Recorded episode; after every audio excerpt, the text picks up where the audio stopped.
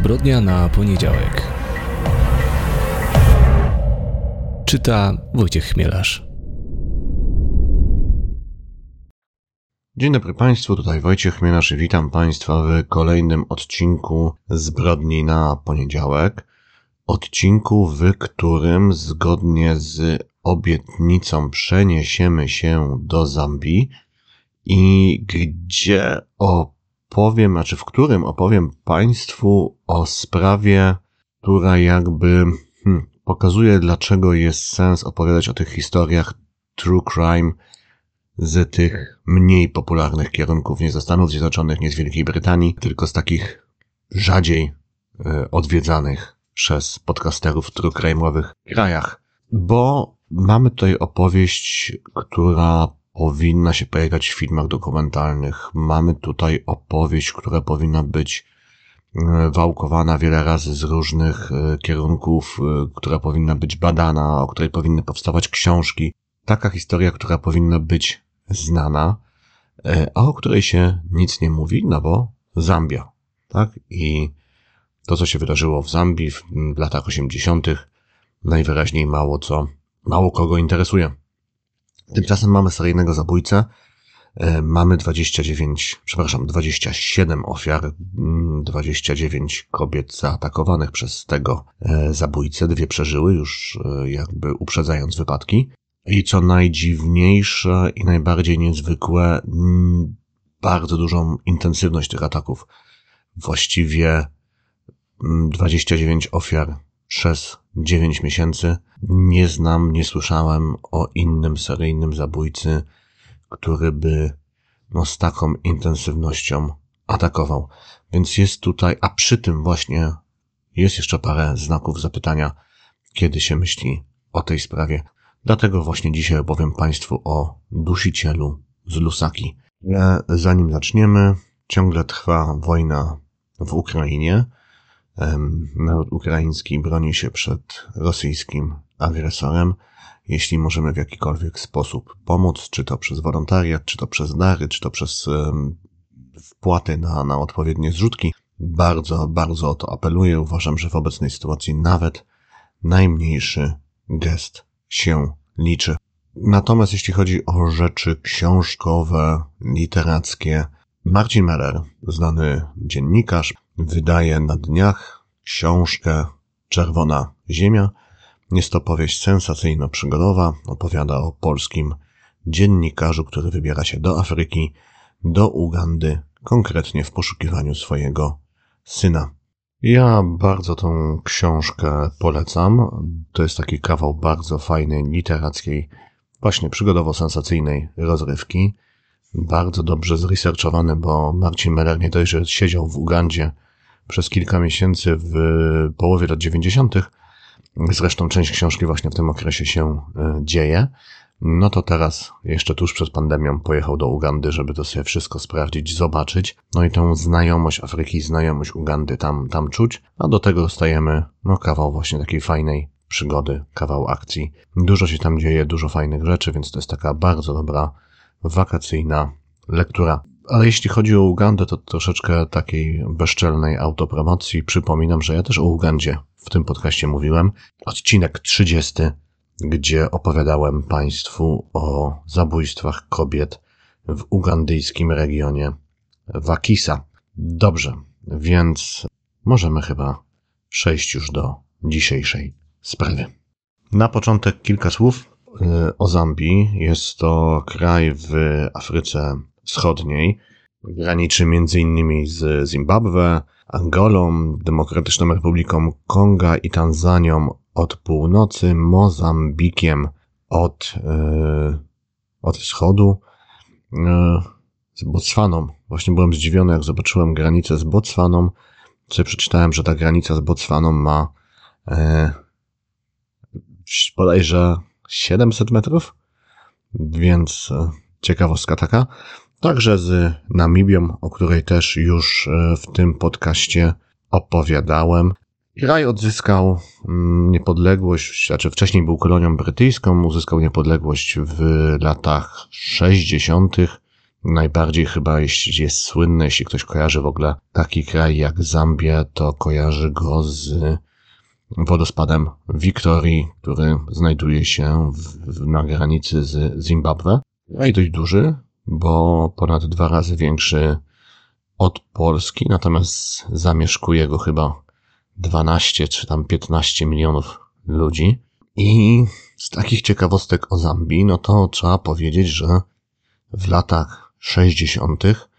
w Zambii rozpoczął się program kosmiczny, no i celem tego programu było najpierw mm, zdobycie, postawienie stopy na Księżycu, a potem kolonizacja Marsa, a raczej z tego co czytałem, nawracanie Marsa, bo um, twórcy zambijskiego programu kosmicznego byli przekonani, że na Marsie istnieje cywilizacja, no i trzeba tam wysłać misjonarzy, którzy będą e, wiarę chrześcijańską tam przewić.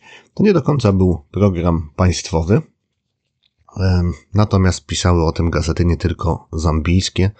Notabene powstała o tym książka, polska książka Bartka Sabela Afronauci. To parę lat temu wydało wydawnictwo Czarne. Ja od razu przyznam, nie czytałem tej książki, nie wiem, czy jest dobra, natomiast jeśli interesuje Was zambijski program kosmiczny, no to Afronauci Bartek Sabela.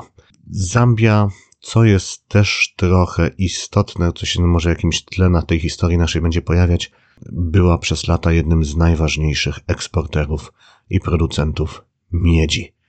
No dobra, ale y, porozmawiajmy sobie właśnie o tym, o czym mamy rozmawiać, czyli o dusicielu z Lusaki. Zaczęło się w styczniu 1980 roku. Anonimowe telefoniczne zgłoszenie wpłynęło na posterunek policji w Lusace, w stolicy Zambii. Człowiek, który dzwonił, mówił o zwłokach, które leżały na boisku na tyłach szkoły podstawowej dla chłopców Lusaka Boys Primary School. Kiedy policjanci przybyli na miejsce, znaleźli rozkładające się ciało kobiety. Z powodu, właśnie z powodu tego rozkładu, nie byli w stanie ustalić przyczyny jej śmierci. Jednak udało się ją zidentyfikować.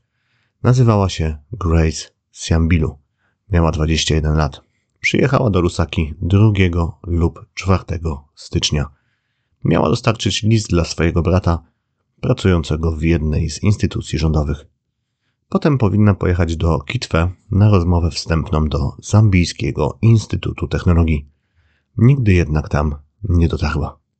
Natomiast już kilka dni później, bo 6 stycznia 1980 roku, policja dostała kolejną informację o zwłokach. Również należały do młodej kobiety. Nie, do, nie udało się jej jednak zidentyfikować. Tym razem udało się jednak ustalić przyczynę śmierci. Kobieta została zgwałcona i uduszona. Tak rozpoczęła się seria zbrodni, która wstrząsnęła tym afrykańskim krajem i trwała dziewięć miesięcy. Kobiety bały się wychodzić na ulicę, bary opustoszały, w mediach władze drukowały ogłoszenia ostrzegające przed dusicielem z Rusaki. Podobno nawet Chibesa Kankasa, legendarna zambijska polityczka i bohaterka zmagań o niepodległość, a wtedy ministerka w zambijskim rządzie, potrafiła chodzić po ulicach stolicy i wyganiać samotne kobiety do domu. Ale nic to nie pomogło. Z ponurą regularnością odnajdowano kolejne zwłoki. Dusiciel z Lusaki zabił co najmniej 27 kobiet. Żaden inny seryjny zabójca nie zamordował tylu osób w tak krótkim czasie. W styczniu znaleziono 6 ofiar, w lutym 5, tyle samo w marcu, 3 w kwietniu, 2 w maju, 3 w czerwcu, trzy w lipcu i ostatnie dwie we wrześniu. Dwie kobiety przeżyły jego atak. Najmłodsze ofiary, to były dwie dziewczynki, miały 10 lat. Najstarsza 32 lata. Zambijska policja nie radziła sobie z tym śledztwem. I nic nie zmieniło nawet to, że jedną z ofiar była Regina Mwanga. Jej ciało znaleziono 28 stycznia 1980 roku, była policjantką, która podróżowała w sprawach służbowych z Livingstone do Mufiliry. Do Lusaki przyjechała pociągiem. Tak więc nawet to, że ofiarą mm, dusiciela z Usagi padła policjantka, nie przyspieszyło śledztwa. Natomiast policja dość szybko zorientowała się, że większość ofiar to kobiety spoza Lusaki. Takie, które dopiero tutaj przyjechały, bądź miały przesiadkę w stolicy. Na dworcach autobusowych i kolejowych pojawiły się ostrzeżenia oraz patrole policji. Podobno urządzono nawet zasadzki, w których policjantki przebierały się za podróżne. Ale sprawca cały czas wymykał się śledczym. Także z ich winy. Tak naprawdę do przełomu w tej sprawie mogłoby już dojść na samym początku, w styczniu 1980 roku. Paul Matule, ochroniarz, który pilnował jednego z osiedli mieszkaniowych, 30 stycznia zauważył dziewczynę, która spacerowała po okolicy w towarzystwie żołnierza. Następnego dnia rano znaleziono jej zwłoki. I teraz tak, e, i teraz tak. Oczywiście e, Paul Matule to zgłosił, został przesłuchany, ale tak naprawdę nikt go porządnie, nikt porządnie z nim nie porozmawiał. A ta cała informacja o umundurowanym mężczyźnie, który spacerował z zamordowaną dziewczyną, zaginęła gdzieś w aktach sprawy i ten wątek w ogóle nie był przez wiele miesięcy kontynuowany z tragicznymi skutkami. 25 marca odnaleziono ciało 15-letniej Miriamy Chivala. Podobnie jak inne ofiary została zgwałcona i uduszona. Jednak obok jej ciała znaleziono kartkę z dziwną wiadomością. Nie mam nic do powiedzenia koledzy i nie zważajcie na to wszystko, co wam powiedziałem, kiedy szliście na wybory. Towarzysze, żadnych kobiet teraz. Proszę moi przyjaciele, bądźcie ostrożni jak chodzicie. Nie dla was teraz kobiety. Wiadomość nie miała żadnego sensu, ponieważ y, nie było wtedy w Zambii w 1980 roku ani w 1979 żadnych wyborów. Do dzisiaj nie wiadomo, czy ona ma jakikolwiek sens i jakiekolwiek znaczenie. Nie popchnęła ona też śledztwa w żaden sposób do przodu. No jest to jednak e, bardzo, bardzo dziwne i zaskakujące. Generalnie dusiciel z Dusaki nie zostawiał takich wiadomości. E, obok ciał często rozrzucał jakieś rzeczy, które należały do ofiar i zaraz pewnie opowiem, dlaczego tak się działo. 16 czerwca znaleziono 18-letnią Litę Mabango. Pracowała w miejscowej restauracji. Jej ciało powieszono na płocie otaczającym siedzibę Narodowego Instytutu Administracji Publicznej. Została dźgnięta cztery razy nożem w klatkę piersiową. Była w czwartym miesiącu ciąży.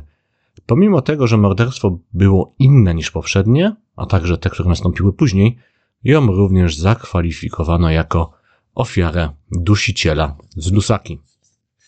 Zambijczycy byli wściekli.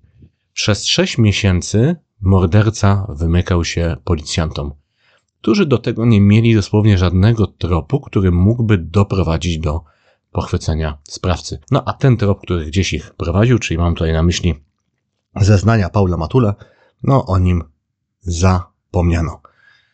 Opinia publiczna domagała się, żeby sprowadzić do kraju agentów FBI, policjantów ze Scotland Yardu czy policjantów z niemieckiej policji federalnej. No, kogokolwiek, kto mógłby pomóc złapać dusiciela. Władze Zambii nie brały jednak takiej możli możliwości pod uwagę z dwóch powodów.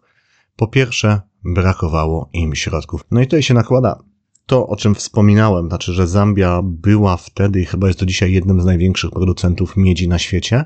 Przez lata, też te pierwsze lata niepodległości z eksportu miedzi czerpali dosyć duże dochody budżetowe, natomiast pod koniec lat 70 ten rynek miedzi przechodził poważne załamanie, no i z tego powodu e, Zambia padła w kryzys finansowy. Więc między innymi z tego powodu brakowało im po prostu środków finansowych, żeby sprowadzić do kraju e, i poprosić o pomoc policjantów z innych krajów. Ale był też drugi powód, e, chyba ważniejszy, powód polityczny. Zambia, no tak jak mówiłem, odzyskała niepodległość w latach 60. i było to bardzo młode państwo. I ważne dla nich było, ważne było dla rządzących, żeby pokazać, że takie problemy są w stanie rozwiązać własnymi siłami, że nie potrzebują sprowadzać białych, żeby biali, żeby biali z takimi rzeczami za nich się, za nich się zajmowali. Notabene, wspominałem o tym zambijskim e, e, programie kosmicznym. Tak jak mówiłem, ja książki Bartka Sabela, Afronauci nie przeczytałem, natomiast przeczytałem wywiad z Bartkiem Sabelem i on w tym wywiadzie wspominał, że jeden z, z uczestników tego programu kosmicznego mówił, że stanięcie na Księżycu byłoby jak danie e, policzka białym, tak? Więc oczywiście to wszystko jest, tutaj bierzemy w jakiś taki nawias bardzo niewiarygodnej historii jakiegoś przed inicjatywy, która nie miała żadnego najmniejszego szans e, powodzenia. Natomiast to pokazuje pewną, e, pewien duch, tak? I, i świadomość i ambicje Zambijczyków w tamtym okresie, tak? Zresztą nie tylko Zambijczyków, bo to była kwestia, myślę, że całej wtedy e, Afryki, które odzyskiwała, kraje afrykańskie wtedy odzyskiwały niepodległość, żeby pokazać, że są w stanie, że sobie radzić lepiej od białych, że nie potrzebują białych do tego, żeby się rządzić i żeby rozwiązywać własne problemy. Więc ten powód polityczny, żeby nie zapraszać policjantów skądkolwiek czy agentów FBI, był moim zdaniem najważniejszy. Władze Zambii postanowiły jednak utworzyć specjalną grupę śledczą. Sprowadzono do niej najlepszych policjantów z całego kraju, a na czele postawiono Williama Mundie. No i tutaj zwracam uwagę, to był czerwiec, więc dopiero po pół roku tą specjalną grupę śledczą powołano. No i można odnieść wręcz wrażenie, że dopiero wtedy zadano sobie takie podstawowe pytania, na przykład, czy te wszystkie zbrodnie zostały popełnione przez jedną osobę, czy może grupę osób. No i z powodu podobieństwa tych wszystkich morderstw, morderstw do, do siebie uznano, że ta pierwsza hipoteza jest jednak bardziej prawdopodobna. Do przełomu e, w śledztwie doszło 16 i 17 lipca 1980 roku. Detektyw Konstab Cicotti, członek właśnie specjalnej grupy śledczej, prowadził obserwację na dworcu autobusowym w Kanwala. W okolicach godziny 19.30 zauważył mężczyznę, który zaczepił młodą kobietę w zielonej spódnicy w białe pasy. Mężczyzna miał na sobie mundur polowy. Był gładko ogolony, niski i krępy. Na twarzy miał plemienne znaki. Po pół godziny odszedł z dworca wraz z kobietą. Gdyby czy Koti go wtedy zatrzymał, zostałby bohaterem, bo tym mężczyzną był właśnie dusiciel z Lusaki. Kobieta z kolei miała na imię Nora Soko. Przyjechała do Lusaki w drodze do swoich rodziców mieszkających w Makeni na przedmieściach stolicy.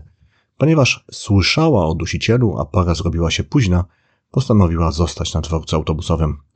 Wtedy pojawiło się przy niej dwóch żołnierzy. Jeden w polowym, drugi w zielonym mundurze. Obaj zaoferowali jej, że będą jej towarzyszyć w drodze do Makeni. Odmówiła. I wtedy wydarzyło się coś dziwnego. Jeden z żołnierzy po prostu podniósł kosz, w którym znajdowały się rzeczy Nory Soko i odszedł. Zszokowana kobieta zaczęła go gonić i żądała oddania jej własności. Żołnierz jednak nie zamierzał tego zrobić. Zatrzymał się za to przy barze. Zaproponował, że kupi kobiecie piwo. Kiedy odmówiła, ruszył dalej, ciągle mając jej kosz w rękach. Odbił w bok na wąską ścieżkę. Przedstawił się wtedy jako porucznik na jambę i zapytał, czy rozpoznałaby go w cywilnych ubraniach. Kobieta potwierdziła.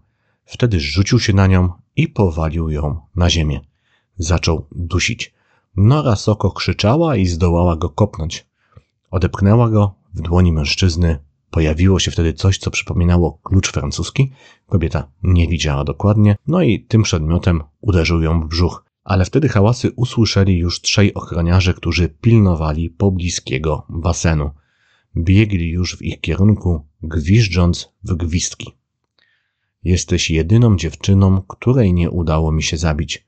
Zabiłem resztę z was, więc to przez ciebie mnie zatrzymają, powiedział mężczyzna. Uderzył ją powtórnie i dziewczyna straciła wtedy przytomność, ale ochroniarze biegnące w ich stronę spłoszyli już sprawcę.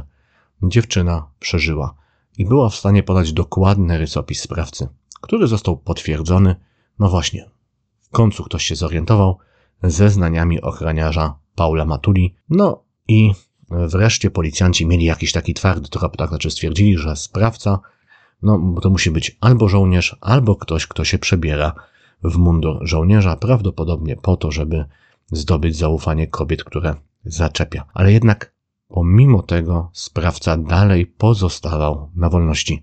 Potem nastąpił sierpień. W sierpniu nastąpiła przerwa w działalności dusiciela z Lusaki i nie wiadomo do końca dlaczego. Czy on się przestraszył tego, że no nie udało mu się zabić Norysoko, czy po prostu, bo taka możliwość zawsze wchodzi y, w grę, nie znaleziono jego innych y, ofiar. W każdym razie no, na tą przerwę też zwrócili uwagę śledczy i jeden z nich y, powiedział po latach, że nawet zakładali, że mężczyzna już nie żyje, że po prostu popełnił samobójstwo. Ale we wrześniu zaczął znowu zabijać, zaczął znowu atakować. No i właśnie na początku września e, Josephine Nora Mukatasza, prawdziwa bohaterka tej historii, od razu powiem, podróżowała razem ze swoim dzieckiem, ze swoją córką do Mumwy przez Lusakę. Po drodze zaprzyjaźniła się z dziewczyną z Petauka. Ich, ich autobus dotarł do Lusaki o 20.15. Ponieważ o tej porze nie miały szans na przesiadkę, postanowiły zostać na dworcu. Wkrótce pojawiło się przy nich dwóch żołnierzy. Zaczęli rozmawiać z kobietami, przybierali taki bardzo ostry, władczy ton. Chcieli wiedzieć skąd przyjechały i dokąd jadą. Potem zażądali okazania dowodów osobistych. Wreszcie zażądali, żeby poszły z nimi do pobliskiego pensjonatu, gdzie będą mogły spędzić spokojnie noc. Obie kobiety odmówiły. Wtedy bez słowa żołnierze zabrali bagaż należący do dziewczyny z petałkę i zaczęli się oddalać. Kobieta pobiegła za nimi. Josephine Nora Mukatasza została na dworcu. Do dzisiaj nie wiadomo, co się stało z dziewczyną z petałkę. Nie wiadomo także, kim była. Jakiś czas później jeden z żołnierzy wrócił na dworzec autobusowy. Odnalazł Josephine Mukatuszę, powiedział jej, że jej towarzyszka już wypoczywa w pensjonacie. Kobieta uległa i postanowiła pójść za żołnierzem. Po drodze zatrzymali się przy kiosku, gdzie mężczyzna kupił fantę dla kobiety i dla jej córki. Potem poprowadził je w stronę Kamwala Secondary School. Po 30 minutach skręcili w wąską ścieżkę. Mukatasza zapytała, dokąd idą. Wtedy mężczyzna pokazał jakiś punkt przed nimi, prawdopodobnie losowo wybrany, i zaatakował. Chwycił kobietę, zaczął ją dusić. Szybko straciła przytomność. Obudziła się jakiś czas później. Obok niej płakała jej córka. Koło głowy znalazła swój dowód osobisty, zniknęła jednak jej walizka, zegarek i pierścionek zaręczynowy. Udało jej się dotrzeć do pobliskiego domu, gdzie znalazła pomoc, a następnie zawiadomiła o wszystkim policję. Opis napastnika pokrywał się z opisem, który podała policji Nora Soko.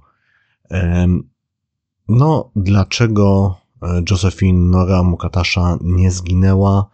Trudno powiedzieć. E, najbardziej prawdopodobna mm, hipoteza wydaje mi się taka, że sprawca uważał, że już ją zabił. Tak? Nie zorientował się, że ona jeszcze e, oddycha. Być może jakiś wpływ na to miało to, że obok była jej mała córeczka. W każdym razie Josephine Nora Mukatasza przeżyła i odegrała bardzo ważną rolę w tej historii, bo 16 września w towarzystwie ubranych po cywilnemu policjantów wróciła na dworzec autobusowy. O godzinie 19.30 podszedł do niej żołnierz, który powiedział: Chyba cię skądś znam. Mukatasza natychmiast zorientowała się, że rozmawia z dusicielem z Lusakim. Nie spanikowała jednak. Wykazała się niesamowitą odwagą i opanowaniem, ponieważ prowadziła spokojną rozmowę z człowiekiem, który jeszcze kilka dni temu próbował ją zabić. Okłamała go, że nie mogli się spotkać, że dopiero przyjechała do miasta. Żołnierz zaproponował jej nocleg w pobliskim pensjonacie. Kobieta się zgodziła. Powiedziała jednak, że najpierw musi odebrać bagaż z przechowalni. Mężczyzna powiedział, że na nią poczeka. Josephine poszła do przechowalni, tam skontaktowała się z policjantami, no i oni najpierw otoczyli żołnierza, a potem go aresztowali. E, on najpierw stawiał opór, próbował uciekać, ale został powalony na ziemię. W ten sposób po dziewięciu miesiącach udało się wreszcie schwytać dusiciela. Zabójcą okazał się być Milton Mufungulwa Sipalo. Josephine Nora Mukatasza nie tylko go rozpoznała, ale powiedziała, że Sipalo nosi zegarek, który jej ukradł. Żołnierz początkowo zaprzeczał swojemu udziałowi w zbrodniach, ale po tym jak został rozpoznany przez i panią Mukatasz oraz przez panią Soko, powiedział: Skoro wskazały mnie pośród tych wszystkich mężczyzn, to najwyraźniej ja jestem tym, który próbował je zabić. W jego mieszkaniu znaleziono kolejne dowody. Były to rzeczy, które należały do co najmniej dziewięciu ofiar. Te rzeczy zostały rozpoznane przez rodziny tychże ofiar. Wtedy Sipalo Peng poprowadził policję do różnych miejsc w Lusace, gdzie dokonał swoich zbrodni. Powiedział dokładnie, co się wtedy stało i jak i gdzie podrzucał ciała. Twierdził także, że w popełnieniu tych zbrodni, a później w ukrywaniu ciał, pomagał mu drugi, żołni drugi żołnierz, Kenneth Kaluwe. Sipalo nigdy nie stanął przed sądem. 19 września 1980 roku podczas przesłuchania przez policję żołnierz wyrwał się pilnującemu go funkcjonariuszowi. Pobiegł na dach policyjnej komendy i stamtąd zeskoczył. Poniósł śmierć na miejscu. To był dosyć wysoki, kilkupiętrowy budynek. Nie miał szans, żeby wyjść z życiem z tego skoku. Notabene e, w jakiś sposób zdjęcie, kiedy on skacze z tego budynku, znaczy udało się zrobić zdjęcie z tego budynku. Ono zostało opublikowane w miejscowej prasie. Jeśli zaczniecie Państwo googlać tą sprawę, to na pewno to zdjęcie znajdziecie. Ono nie jest drastyczne, to jest zdjęcie z lat 80., więc jest czarno-białe, jest dosyć ziarniste. Widać po prostu sylwetkę człowieka, który zeskakuje z wysokiego budynku, który jest właśnie komendą policji w Lusace. Kenneth Kaluwe natomiast, czyli ten drugi żołnierz, który został wskazany przez Ciparo jako jego wspólnik, nie został rozpoznany ani przez Josephine Norę Mukatasze, ani przez Norę Sokę, ani też przez jakiegokolwiek innego świadka. Nie znaleziono żadnych dowodów, które potwierdzałyby zeznania Sipalo. W związku z tym Keneta Kaluwe wypuszczono bez stawiania jakichkolwiek zarzutów. Sami zambijscy śledczy stwierdzą, że śmierć Sipalo uniemożliwiła im poznanie odpowiedzi na wiele pytań związanych z tą sprawą. W tym takiego podstawowego, jaki był jego motyw, jaki, dlaczego zabijał. No, tutaj oczywiście mamy motyw seksualny, bo tam dochodziło do gwałtów, natomiast e, ważny jest najwyraźniej też motyw rabunkowy, ponieważ e, no, przecież on ukradł tej drugiej kobiecie, czyli noże Mukatusze, ukradł jej pieniądze, ukradł jej pierścionek zaręczynowy, ukradł jej, e, ukradł jej zegarek. Mówiłem, że on rozrzucał wokół ciał swoich ofiar rzeczy osobistych, ale to prawdopodobnie nie był żaden rytuał, nie, był, nie było to nie wiem, żadne działanie, żadna wiadomość wysyłana policji. On po prostu ukradał tej kobiety i, i rozrzucał rzeczy, które nie były mu potrzebne, zabierał tylko jakieś kosztowności i pieniądze. Druga sprawa, no i chyba bardzo, bardzo ważna, być może najważniejsza w tej sprawie, znaczy pytanie, kim był ten drugi żołnierz, z którym e, on się pojawiał na dworcach autobusowych i na dworcach kolejowych. E, no skoro to nie był Kenneth Kaluwe. Tego drugiego żołnierza nigdy nie zidentyfikowano, nie wiemy do dzisiaj, kim on był. Kolejna sprawa, no to jest pytanie, jaki los spotkał kobietę, z którą podróżowała pani Mukatasza. Nie znaleziono jej ciała, nie, to, nie udało się ustalić jej tożsamości. No i wreszcie jest pytanie, ile tak naprawdę kobiet on zabił. Zawsze musimy zakładać, że niektórych jego ofiar, ciał niektórych jego ofiar nie znaleziono.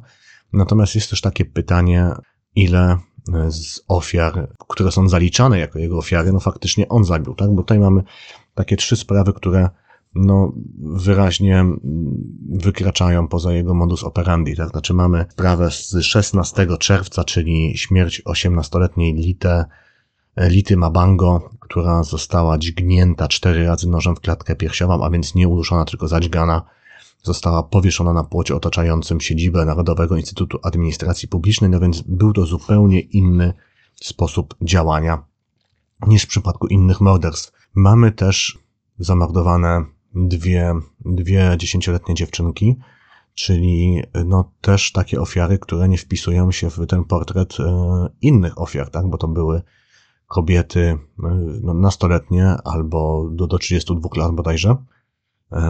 Więc no, takie, które by jakby okrywał się ten motyw seksualny, motyw rabunkowy, tak? Możemy się spodziewać, że dorosłe kobiety posiadały jakieś pieniądze, posiadały jakieś kosztowności, które można im e, zrabować. Dlaczego te dwie dziesięcioletnie dziewczynki zginęły? Czy to faktycznie on je zabił? No, ja tutaj mam spore, spore e, e, wątpliwości. Niemniej, Mimo tych wszystkich pytań, pomimo tych wszystkich wątpliwości, jedno pozostaje faktem. Po śmierci Sypalo zabójstwa dusiciela z Lusaki ustały, a mieszkanki stolicy Zambii mogły wreszcie odetchnąć z ulgą. Trwający dziewięć miesięcy koszmar wreszcie się skończył. To jest koniec dzisiejszej sprawy. Tak jak mówiłem, ona mnie bardzo zainteresowała, bo to jest tak jak mówiłem na początku, sprawa, o której powinno się dużo mówić, która powinna interesować opinię publiczną, bo są tutaj zagadki, są tutaj niezwykłe zdarzenia. Bardzo zagadkowa jest ta, ta historia, a pomimo tego nikt o niej, czy mało kto o niej słyszał, bo dotyczy Zambii właśnie. No to jest dowodem na to, że troszeczkę chyba się za mało interesujemy tymi, mm, tymi rejonami świata. Nie mówię tutaj tylko o Afryce, ale mam też na myśli, nie wiem, Azję, bo przecież w Azji też się dużo ciekawych rzeczy dzieje, kryminalnych, a o nich zupełnie nie rozmawiamy. Zapowiadając ten odcinek, obiecywałem Państwu, że będą dwie sprawy kryminalne. Natomiast w toku przygotowywania tego odcinka, w toku researchu zmieniłem zdanie, bo tam po pierwsze miałem opowiadać o pewnej takiej sprawie, no nie będę mówił jakiej, natomiast zrezygnowałem z niej, bo tam proces dopiero się zaczyna Będę się starał ten proces śledzić i w momencie, kiedy się skończy, to o tej sprawie Państwu opowiem. Druga historia, no drugiej historii niestety nie zdążyłem zresearchować porządnie, a, a jest ciekawa, bo taką najgłośniejszą sprawą kryminalną e, w Zambii ostatnich miesięcy jest śmierć pięciu Chińczyków, którzy zginęli podczas takich zamieszek, no właściwie rasowych w Zambii.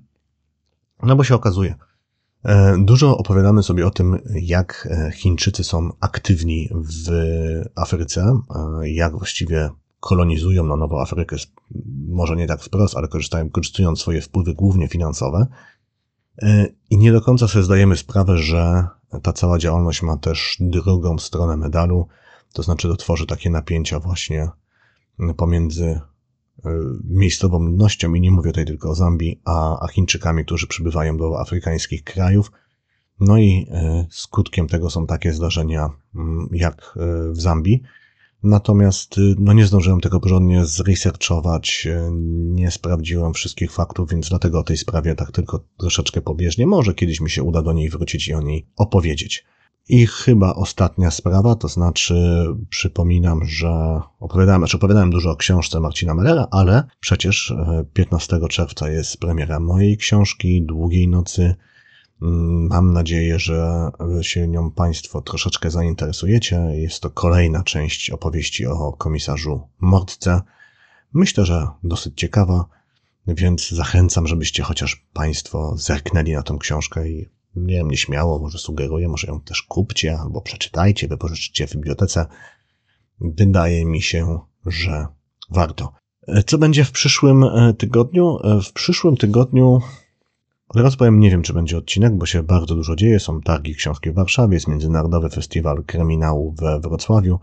W obu tych, w obu tych e, imprezach uczestniczę. Natomiast no, zrobię wszystko, żeby ten odcinek powstał i opowiem Państwu o sprawie może to być duża niespodzianka, ale opowiem Państwu o sprawie ze Stanów Zjednoczonych, ale takiej troszeczkę innej, troszeczkę nieoczywistej.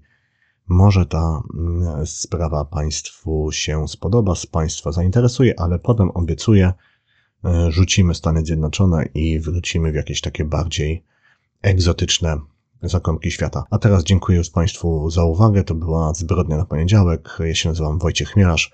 Pozdrawiam i do usłyszenia.